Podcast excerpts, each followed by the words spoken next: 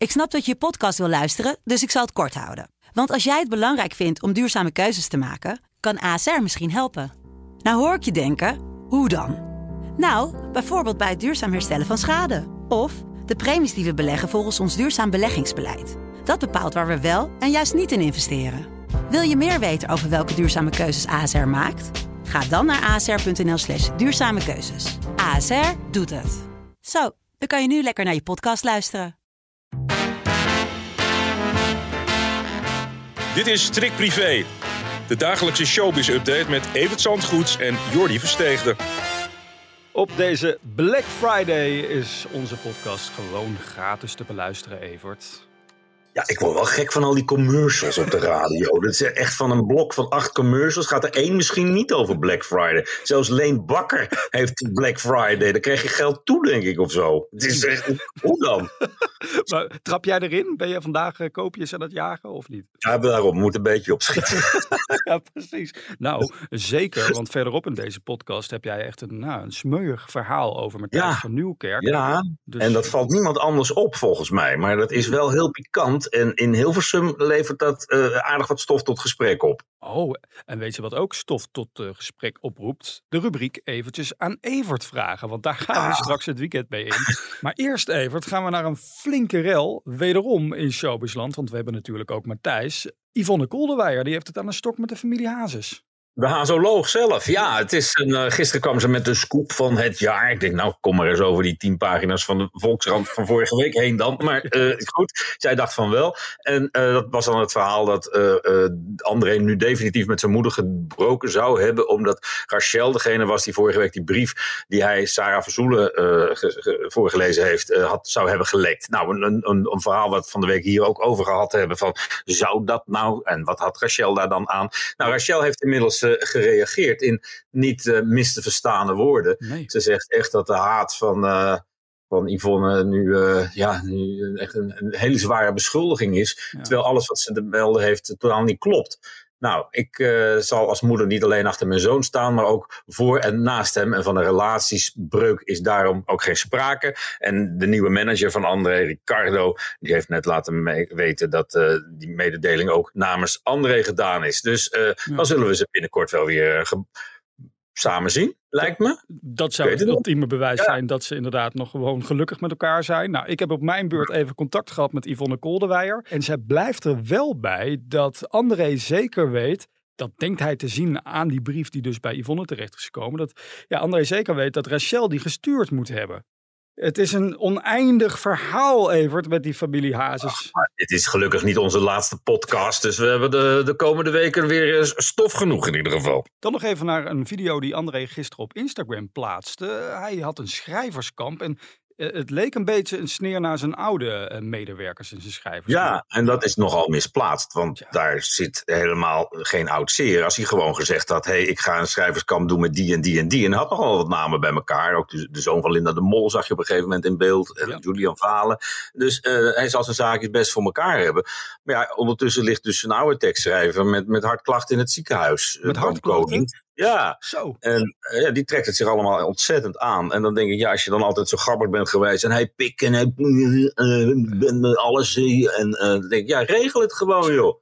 En doe niet zo lullig. Maar jeetje, als ik dan die beelden van gisteren er nog even bij eh, trek. En eh, Bram heeft hartproblemen en, en, en, en André loopt daar vrolijk lachend rond op dat schrijverskamp. Dat, dat kan Ja. toch niet? Dat is Eh, toch... nou, dat kan wel. En, Nou. en André is gewoon heel erg slecht in afscheid nemen. Mhm. Maar dat moet je dan toch eens onder de knie zien te krijgen. Juist als je zo vaak van mensen afscheid neemt. Jeetje, wat vreselijk. We gaan naar Matthijs van Nieuwkerk, want eh, volgens mij heb jij echt eh, nou, iets smeuigs om te delen.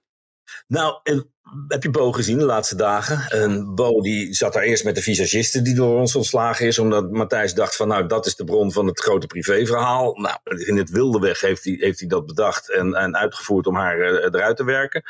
Eh, dat was één dag. En de dag daarna, gisteravond, kwam Bo met eh, Frank Evenblij en Erik Dijkstra. Ja. Die eh, ook nogal inhakten op hoe het er achter de schermen aan toe ging. En als je dan weet dat dat programma Bo gemaakt wordt door Ewart van der Horst, die de bedenker is van De Wereld Draait Door, dan is, geeft dat wel aan dat die Ewart van der Horst toch ook wel een beetje aan het afrekenen is met zijn oude maat uh, Matthijs van Nieuwkerk. Dat is buitengewoon pikant. En ik heb daar nog verder niemand over gehoord. Maar het feit dat, dat hij die, tegenstanders van Matthijs zo'n enorm podium geeft, geeft wel aan dat, die, dat de bedenker van de wereld eruit door uh, klaar is met het gezicht van de wereld eruit door.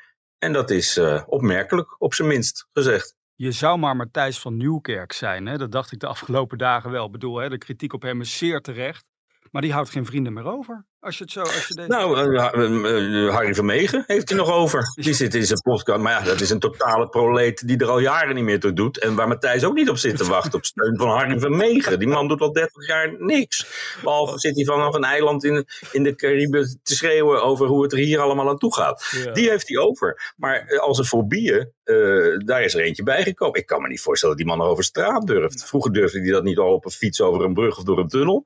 Maar nu durft hij natuurlijk helemaal niet meer naar de bakker in dat dorp waar hij woont. Volgende week krijgt het ongetwijfeld nog een groot staartje in de privé. Uh, ja, dan uh, pakken we er opnieuw mee uit. En uh, ik kan zeggen dat er nog een paar heel ernstige verhalen bij zitten. Oei, oei, oei, oei.